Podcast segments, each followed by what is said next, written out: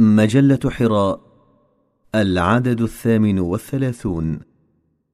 الشورى بقلم الأستاذ فتح الله جلن.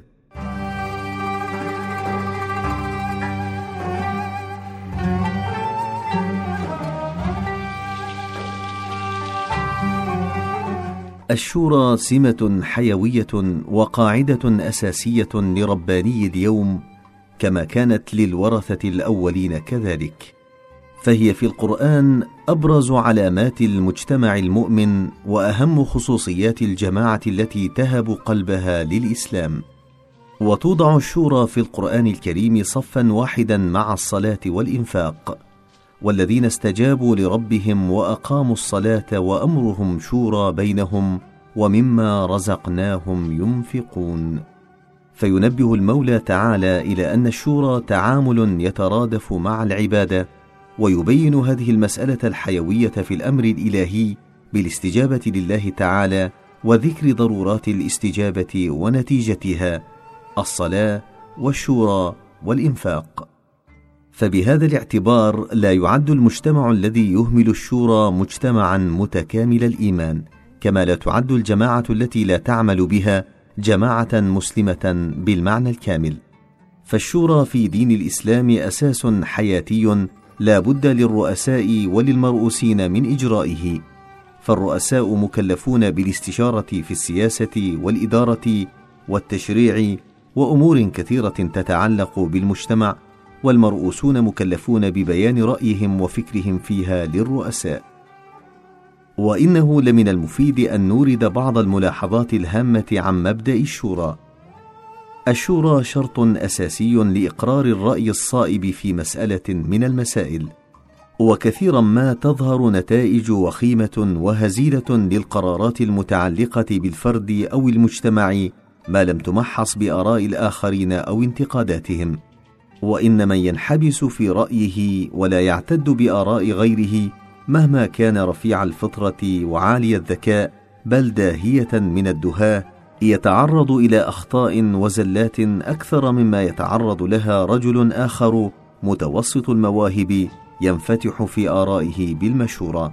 فالإنسان الأعقل هو الأعظم اعتدادا والتزاما بالمشورة والأكثر استفادة من أفكار الآخرين. ومن يكتفي بأفكاره الشخصية في عمله وبرامجه أو يسعى لفرضها على غيره لا ينجو من فقدان طاقة حركية مهمة وزد على ذلك نفور وكره واستثقال ممن حوله لا محالة. فالمشورة هي الشرط الأول لكي يجني المرء أفضل الثمار قاطبة من كل عمل يعمله. كذلك هي الوسيلة الأهم في استمداد قدرة تفوق قدرته وطاقته اضعافا مضاعفة. فينبغي إجراء أوسع استشارة وتحر قبل مباشرة عمل من الأعمال والجد في الأخذ بالأسباب والتدابير حتى نتجنب الوقوع في تصرفات مضرة تضاعف المصيبة في النتيجة مثل تجريح القدر أو اتهام الأفراد المقربين منا.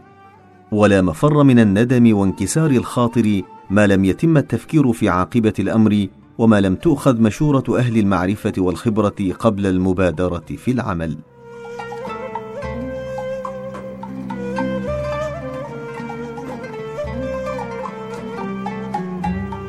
وكم من عمل خاض فيه الخائضون من غير روية فلم يمضوا فيه خطوات إلا أورثهم الانكسار والانكفاء في أنفسهم وضعف الحظوة وخسارة الاعتبار عند غيرهم. والقاعدة في الإسلام على اعتباره نظاما مثاليا أن الشورى من أهم القدرات الحركية لقيامه ودوامه فهي من أهم العناصر في حل القضايا المتعلقة بالفرد والمجتمع والشعب والدولة والعلم والمعارف والاقتصاديات والاجتماعيات ما لم يرد فيها نص صريح. إن هيئة شورى الدولة في الإسلام تتقدم على السلطة التنفيذية وترشدها. وهيئة الشورى في الدولة التركية اليوم تعد محدودة في الوظيفة وضيقة الساحة في الحركة ومقيدة قياسا بالشورى في الإسلام. وإن رئيس الدولة أي ولي الأمر الأعظم ملزم بأصل الشورى حتى ولو كان مؤيدا من عند الله ومعلما ومربا بالوحي والإلهام. هكذا كان دأبنا في الماضي وكذلك دأبنا في الحاضر. ولئن وقع إهمال في تنفيذ مبدأ الشورى هنا أو هناك فإن شعوبنا ومجتمعاتنا كثيرا ما طبقته بأسماء وعناوين متنوعة. ولكن لم ينجح مجتمع أهمل مبدأ الشورى أو تناساه حتى اليوم ابدا. وعندما يقول سيدنا صلى الله عليه وسلم ما خاب من استخار ولا ندم من استشار يعلق فلاح الأمة وضمان مستقبلها بالشورى. ترد الشورى في القرآن الكريم في آيتين بالتصريح وفي آيات كثيرة بالتلميح. هاتان الآيتان المصرحتان بالشورى من غير تأويل أو تفسير بأمره السبحاني هما وشاورهم في الأمر وأمرهم شورى بينهم هذا وفي تسمية السورة التي فيها بيان الشورى بهذا الاسم حكمة بالغة. فترد الشورى في هذه السورة وصفا للصحابة الكرام مع الثناء عليهم. فكأن الآية الكريمة تتضمن بعدا من الثناء لهؤلاء الذين جعلوا الاستشارة محور أعمالهم وأمورهم. وإن اختيار وصف الشورى من أوصاف الثناء والمديح الكثيرة في الأصحاب الكرام دليل على الأهمية العظمى للمشورة. وكما يجعل القرآن الكريم الشورى قاعدة لها أهمية عظمى كذلك السنة السنية تهتم بها اهتماما بالغا بل تحشد لها النصوص حشدا. فكان سيدنا الرسول صلى الله عليه وسلم يستشير كل واحد في كل مسألة ليس فيها نص رجلا أو امرأة شابا أو شيخا. ومع التقدم الكبير الذي حققناه في ميادين مختلفة اليوم إلا أننا لم نبلغ بعد في فلسفة الشورى ما بلغوه في تلك الأيام. نعم كان رسول الله صلى الله عليه وسلم يستشير أصحابه في كل أمر ويستطلع آراءهم وأفكارهم ويحصل على موافقتهم في كل عمل يخطط له ويثمن أحاسيس الوجدان العام ومشاعر المجموع وميول المجتمع المتآلف كالبنيان المرصوص لتكتسب قراراته قوة ومناعة لا يمكن زعزعتها. فقد كان يهيئ الجميع لكي يشاركوا روحا وفكرا في الأعمال التي يبرمج لها فيحقق مشاريعه بأمتن الحسابات الإحصائية. لنطلع على مشاهد من حياته السنية صلى الله عليه وسلم المتعلقة بهذا الشأن. حينما خرج حضرة سيد الأنام صلى الله عليه وسلم إلى أحد لقن أصحابه بعض التوصيات وراعى أمورا استراتيجية ومن هذه الأمور التي أنفذها وضع الرماة في موضع مرتفع من أحد وتنظيم حال قتالهم وتحذيرهم من ترك مواضعهم مهما آلت إليه مجريات الحرب. ونهيه عن النزول لاقتسام الغنائم وتوصيات أخرى. ولكن الأصحاب الكرام وقعوا في خطأ اجتهادي في تقدير انتهاء مدة الأمر باعتبار الوقت مع رفعة فهمهم للطاعة ودقائقها فصاروا في وضع مخالفة خفية. وواجه سيدنا صلى الله عليه وسلم معارضة ضمنية أخرى في مسيرة أحد. فلو كان أحد آخر في مكانه وواجهته تلك المعارضات المتتالية التي أوقعت هذه الأضرار والخسائر لأزاح آراءهم بظهر كفيه وقال لهم اذهبوا عاقبكم الله لكنه لم يفعل ذلك بل كان يتلو عليهم وهم منهمكون في البحث عن المذنب والبريء وشاورهم في الأمر ثم يجمعهم للتشاور ووجهه يقطر دما جراء اعتداء وحشي كان بعض أصحابه سببا له وسط أشلاء أجساد الشهداء وشده الأصحاب وحيرتهم في أنفسهم حتى توجه بعضهم نحو المدينة في تلك المحنة غير مبال بما حصل ولم يكتف باستشارتهم بل بلغهم بأمر الله له بطلب العفو والاستغفار لهم.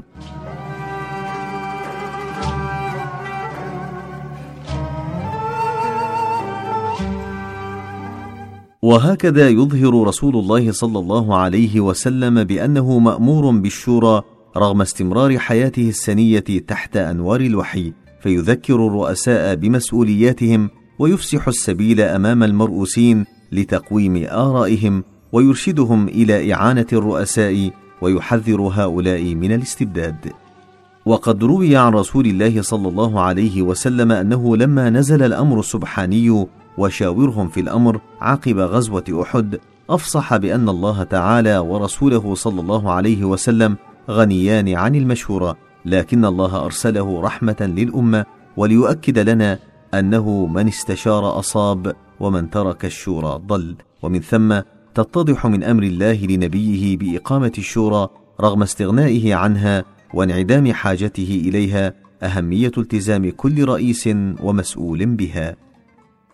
ونضع بين أيديكم حفنة من جواهر أحاديث مباركة تملأ الدنيا خيرا تشرفت بالصدور عنه صلى الله عليه وسلم.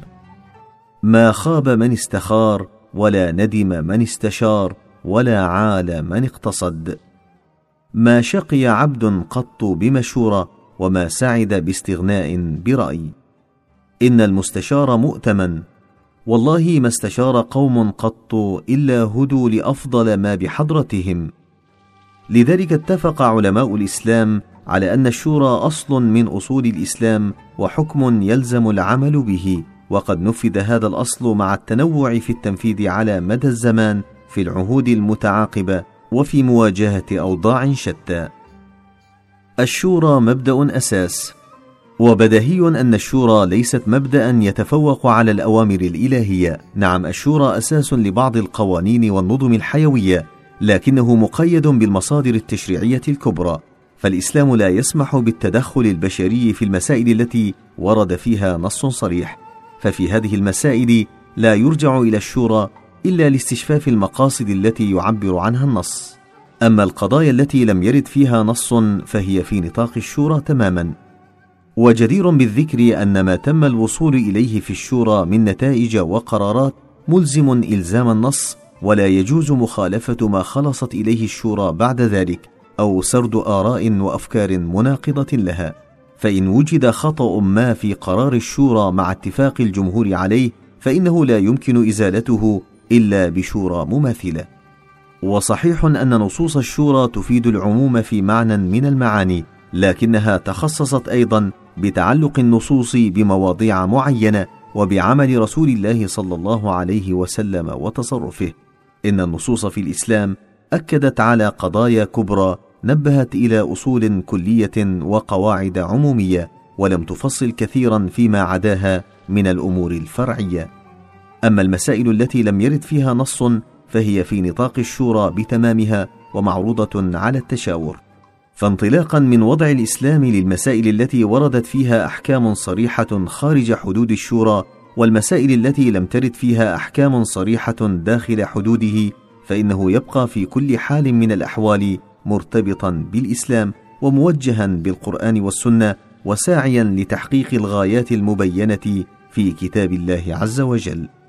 ولا شبهة في أن الإسلام يقصد قبل كل شيء غايات عليا مثل تحقيق المساواة بين البشر ومحاربة الجهل ونشر العلم ونسج المسائل كلها حول الهوية الإسلامية ومنع تناقض المسلم مع ذاته وتوجيه إنسان الوطن للحفاظ على منزلته ووقاره في الموازنات الدولية وتحقيق العدالة الاجتماعية بين الفرد والمجتمع وتطوير وعي الأمة برمتها وبجميع أفرادها في الحب والاحترام والاهتمام بهم الآخر والتضحية ورهافة أحاسيس الفيوضات المادية والمعنوية للعيش من أجل الآخرين ومراعاة الموازنة بين الدنيا والآخرة وتنظيم السياسة الداخلية والخارجية ومتابعة التطورات في العالم وتجهيز مصادر القوة وتحديثها وإعداد فرق الحرب النفسية إلى درجة القدرة على مواجهة العالم متى اقتضى الأمر ذلك.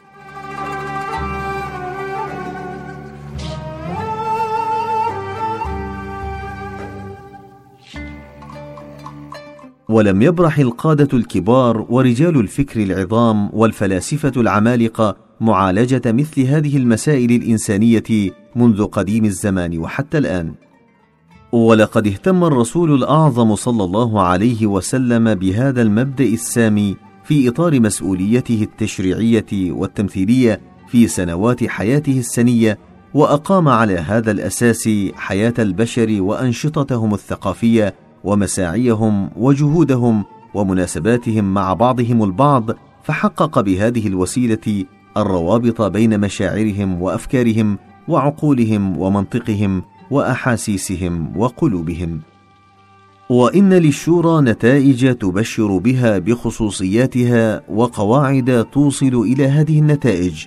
من جملتها رفع المستوى الفكري والوعي التشاركي في المجتمع والتذكير بأهميته بالرجوع إلى رأي المجموع في كل حادثة وتشجيعه على توليد الأفكار البديلة والحفاظ على حضور الشورى وحيويتها من أجل مستقبل الإسلام وتحقيق مشاركة السواد الأعظم في الإدارة بقدر الإمكان في كل مناسبة وإدامة الوعي بمحاسبة الرؤساء عند اقتضاء الحاجة والحيلولة دون تصرفات الساسة الاعتباطية وتحديد تصرفهم. ولقد قلنا انفا إن الله تعالى قد أثنى على الصحابة الكرام بالآية الكريمة وشاورهم في الأمر بناء على الأهمية الحيوية للشورى وإنها لحكمة بالغة ينطوي عليها أمر الله تعالى لسيدنا صلى الله عليه وسلم باستشارة أصحابه وشاورهم في الأمر والمعركة قد شارفت على نهايتها وفي أثقل الساعات شدة ومع أصحابه الذين كانوا سبب هذه الشدة. إن أصل الشورى الذي تشرف بالتنزيل في هاتين الآيتين أصل واسع المرونة ملب لاحتياجات العصور متخط لحدود الزمان. فمهما تغير العالم وتعاقب الزمان وحتى لو رحل الإنسان إلى الفضاء وعمر مدنا هناك فلا حاجة لزيادة شيء على هذين النصين. وفي الحقيقة إن أصول الإسلام وقواعده الأخرى كلها تمتاز بالمرونة نفسها وتتفتح على الكونية عينها. ولقد احتفظت بشبابها وعمليتها على مر الزمان وستبقى كذلك. من أسس الشورى ومن المفيد أن نذكر ببعض المبادئ المتعلقة بأساس الشورى وهي اولا الشورى حق للرؤساء وللمرؤوسين ولا رجحان في استعمال هذا الحق لطرف على الطرف الآخر وفي أمره تعالى وأمرهم شورى بينهم دلالة على مساواة الطرفين في الشورى. فأمور المسلمين شؤون تتعلق بهم جميعا لذلك يتساوون جميعا في حق النظر فيها. لكن هذا الحق يتغير بتغير الزمان والمكان والحال ويستتبع تغيرا في صورة إجراء الشورى وشكلها. ثانيا لما كان الرئيس مكلفا بالشورى في الشؤون المتعلقة بالمجتمع بموجب الأمر الإلهي وشاورهم في الأمر فاذا يقع تحت طائلة المسؤولية إن لم يطرح هذه الشؤون الداخلة في نطاق التشاور على أهل الرأي. من جهة أخرى يتحمل المرؤوسون وبال كتم آرائهم إن لم يبدوها متى عرضت عليهم هذه الشؤون للتشاور. بل يعدون مقصرين في أداء حقوق المواطنة إن اكتفوا ببيان الرأي ولم يجهدوا في الإقناع على الأخذ بالرأي المطروح.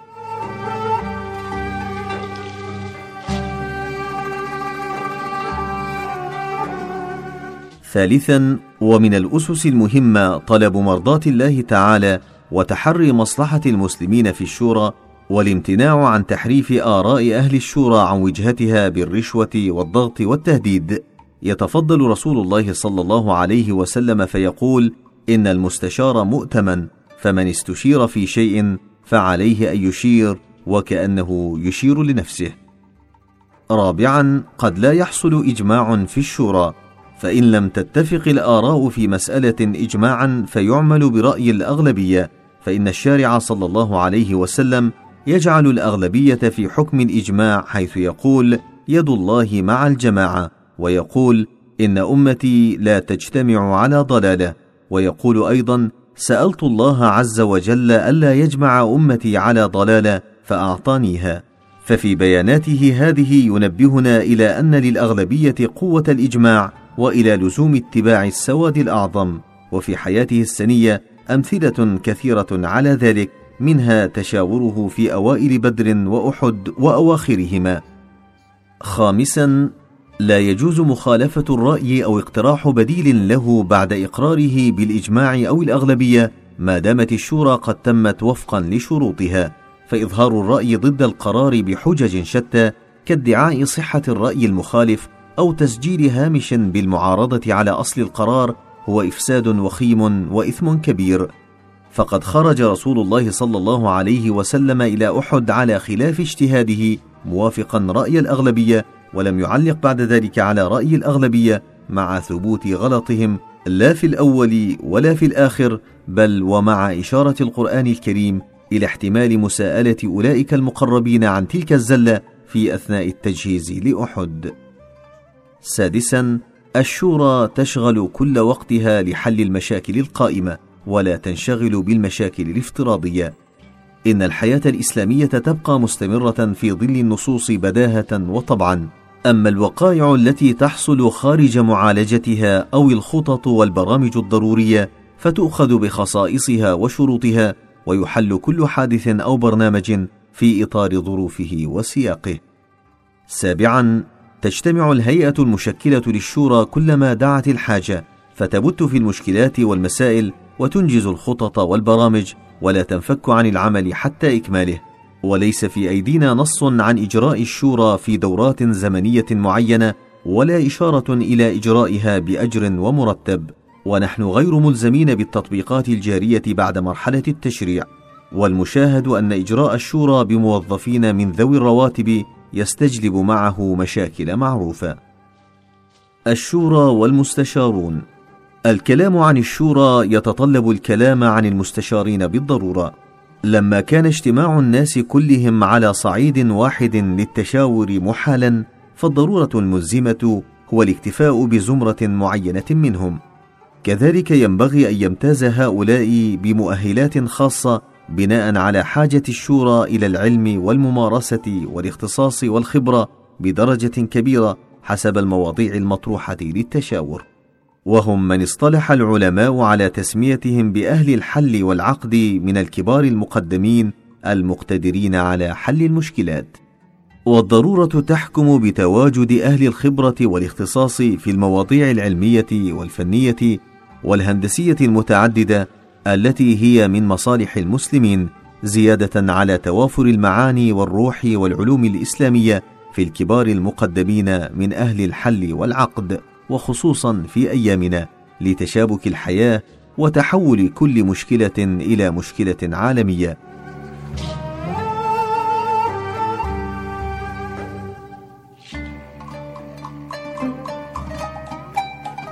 في هذه المسائل يمكن الاعتماد على أهل الاختصاصات المتنوعة في الشورى بمراعاة التوافق مع الدين حسب تدقيق أعلام علماء الإسلام.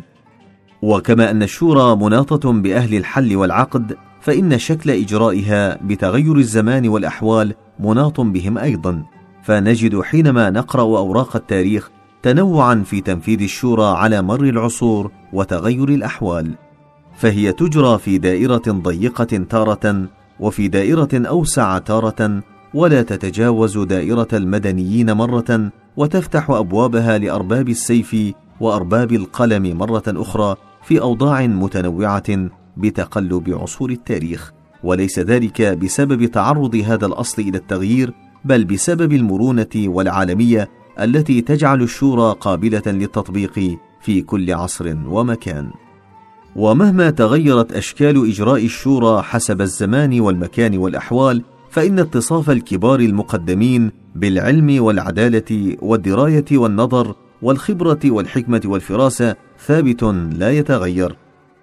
العدالة هي أداء الفرائض واتقاء المحرمات وتجنب ما يناقض القيم الإنسانية والعلم هو الدراية والخبرة في الدين والإدارة والسياسة والفن. ولا يلزم أن يكون الفرد نفسه متخصصا في فروع العلم المتنوعه لكن اللازم أن تكون الشخصية المعنوية لهيئة الشورى متفتحة على كل هذه المواضيع ولا مندوحة في الرجوع إلى أهل الدراية من غير علماء الإسلام في الموضوعات المعتمدة على النظر والخبرة. وكما تحمل الحكمة في دلالتها ومعناها على العلم والحلم ومعنى النبوة كذلك تصرف إلى الاطلاع على ما خلف ستار الأشياء والنظر والشعور بالأمور الغائبة عن الناس بنور الفراسة والقدرة والقابلية والفطانة في حل المعضلات الفردية والاجتماعية فأهلها قليل ووزنها ثقيل وتحظى في كل زمان بالتوقير والقبول. وينبغي التوقف مليا عند اهتمام سيدنا النبي صلى الله عليه وسلم في حياته السنية كلها بالشورى والاحترام لرأي كل امرئ مهما كان سنا وعقلا. فكان صلى الله عليه وسلم يرجع إلى آراء الآخرين في كل وقت ويستأنس بنظرهم ويتحرى عن أقوم السبل لتأسيس خططه وبرامجه على أرض صلبة. فمرة يستطلع نظر أهل الرأي فرادى ومرة يجمعهم معا ليسند الشورى بالشعور الجماعي. وهذه نماذج من سيرته تنير المسألة. في حادث الإفك استشار سيدنا صلى الله عليه وسلم عليا وعمر وزينب بنت جحش وبريرة وغيرهم من الصحابة رضوان الله تعالى عليهم أجمعين. فأشار علي رضي الله عنه برأي ذهب فيه إلى التفريج عن كربة سيدنا صلى الله عليه وسلم. وتوقف عمر وزينب وبريرة وكثير من الذوات المباركة رضوان الله عليهم عند طهارة وزكاة وسمو أمنا عائشة رضي الله عنها وقد رويت في مشورة عمر رضي الله عنه محاورة لطيفة وإن انتقد سندها فقد قال وقد رويت في مشورة عمر رضي الله عنه محاورة لطيفة وإن انتقد سندها فقد سأل رسول الله صلى الله عليه وسلم عما يراه في أمنا عائشة رضي الله عنها فأكد عمر طهارتها وزكاتها فلما سأله سيدنا عن مستند حكمه هذا أجاب بأنه كان عليه الصلاة والسلام يصلي بهم مرة فخلع نعله أثناء الصلاة فلما سئل عن سبب خلع النعل أثناء الصلاة رد بأن جبريل عليه السلام أنبأه بلوثة نجاسة في النعل. فإن كان الله ينبئ عن لوثة نجاسة في نعل رسول الله صلى الله عليه وسلم فكيف يعقل ألا ينبئ عن شيء يلحق بزوجه؟ ولئن تعلق أصل الرواية هذه بشباك موازين الجرح والتعديل فالعبرة لا تناقش. في غزوة بدر استشار الرسول صلى الله عليه وسلم المهاجرين والأنصار فتكلم المقداد رضي الله عنه باسم المهاجرين وسعد بن معاذ رضي الله عنه باسم الأنصار كلاما فذا رائعا في نصرة رسول الله صلى الله عليه وسلم مفعما بالإيمان والحماس والتسليم له فوجه جماعتيهما إلى تأييد القرارات المتخذة وإنفاذها فهناك جعل رسول الله صلى الله عليه وسلم عموم الناس اصحابا لقرارات حيوية واستنصر بالوجدان الاجتماعي إلى جانبه. وفي بدر أيضا استشار صلى الله عليه وسلم الحباب بن المنذر والصحب الكرام عن المنزل الذي ينزله جيش الإسلام والوادي الذي فيه يلقى العدو. وأقر قرارات أنفذها الجيش المسلم فتغلب على قوة العدو البالغة ثلاثة أضعاف المسلمين أو أربعة أضعافهم في حملة واحدة عاد بعدها إلى المدينة تحدوه أناشيد النصر. وفي وقعة الأحزاب استشار صلى الله عليه وسلم الأصحاب الكرام فمال إلى رأي سلمان الفارسي رضي الله عنهم أجمعين بحفر خندق حيث يظن دخول الأعداء منه إلى المدينة فكان انموذجا للأهمية التي يوليها للشورى.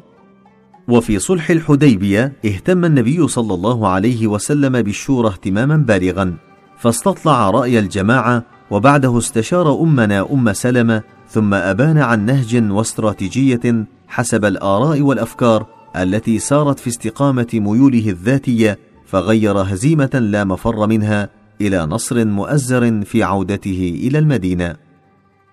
إن التحري في حياته السنية صلى الله عليه وسلم يؤكد لنا مدى أهمية النظر الشوري في كل مسألة أو معضلة والأخذ بها بعد العرض على الوجدان الاجتماعي. وليست مجالس الشورى في دول الإسلام المتعددة بعد ذلك إلا صورا مبسطة للشورى الأولى وهيئتها الأولى.